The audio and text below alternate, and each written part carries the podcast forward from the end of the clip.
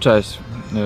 W dzisiejszym odcinku chciałbym Wam opowiedzieć o super książce, którą ostatnio przeczytałem. Niestety Wam jej nie pokażę, bo czytałem ją na Kindlu elektronicznie e-booka. Książka, która się nazywa Dieta Buddy, jest jak Budda. Chciałbym Wam tylko ją gorąco polecić e, i powiedzieć, jak dużo mi ta książka dała w zmienieniu moich nawyków e, żywieniowych i właściwie całego podejścia do jedzenia. Książka tak naprawdę nie skupia się wokół tego, co powinniśmy i czego nie powinniśmy jeść, więc to nie o to w tym, tym chodzi, że to jest jakaś dietetyczna książka, w której e, dostaniemy rozpiskę konkretnych produktów żywieniowych, które powinniśmy jeść, a których nie. Bardziej książka skupia się na psychologicznym i buddyjskim aspekcie tego, w jaki sposób mamy emocjonalną relację z jedzeniem. Więc dzięki tej książce uczymy się tak naprawdę zrozumieć, dlaczego ulegamy pewnym nawykom związanych z niezdrowym jedzeniem, dlaczego jemy kompulsywnie, dlaczego mamy obsesje związane z jedzeniem i w jaki sposób przede wszystkim zerwać tą taką rządzową relację z jedzeniem emocjonalną. Więc w książce zaczynamy poznawać mechanizmy psychologiczne, które stoją za tym, że na przykład obżeramy się lub jemy wieczorami, mimo że wiemy, że to nam szkodzi. I dostajemy też takie praktyczne wskazówki na temat tego, jak postępować, żeby po prostu mieć e, zdrowe, szczupłe ciało, bo książka jednak sprowadza się do tego, żeby być też e, szczupłym, zdrowym, żeby mieć szczupłe ciało, ponieważ Buddha był szczupły i te posążki, które widzimy tego grubego Buddy, to tak naprawdę to nie jest e, to nie jest Buddha, tylko to jest buddyjski mnich, który żył 500 lat po śmierci Buddy, który się nazywał bodajże Hotai, nie pamiętam jak się nazywało, ale Buddha przez całe swoje życie był szczupły, był wręcz chudy, miał taki okres, gdzie został ascetą, gdzie praktycznie zagłodził się na śmierć. E, I po tej sytuacji, kiedy zagłodził się praktycznie na śmierć, zrozumiał, że głodzenie się jednak nie jest drogą do osiągnięcia nirwany czy tam oświecenia.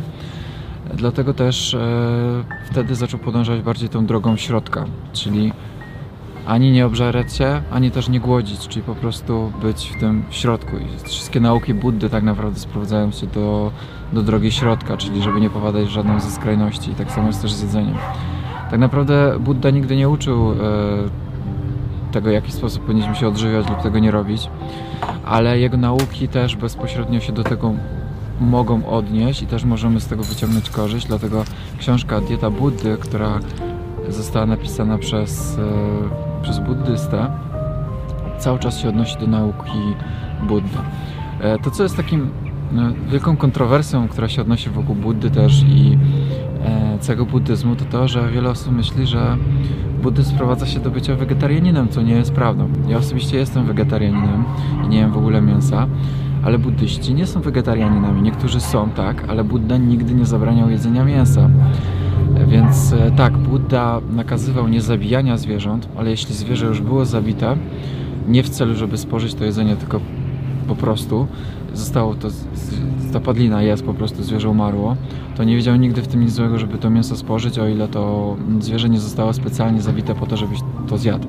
Taka bardzo okrężna droga rozumowania na temat jedzenia i niejedzenia mięsa, ale tak było, dlatego e, buddyści nie zawsze są wegetarianinami.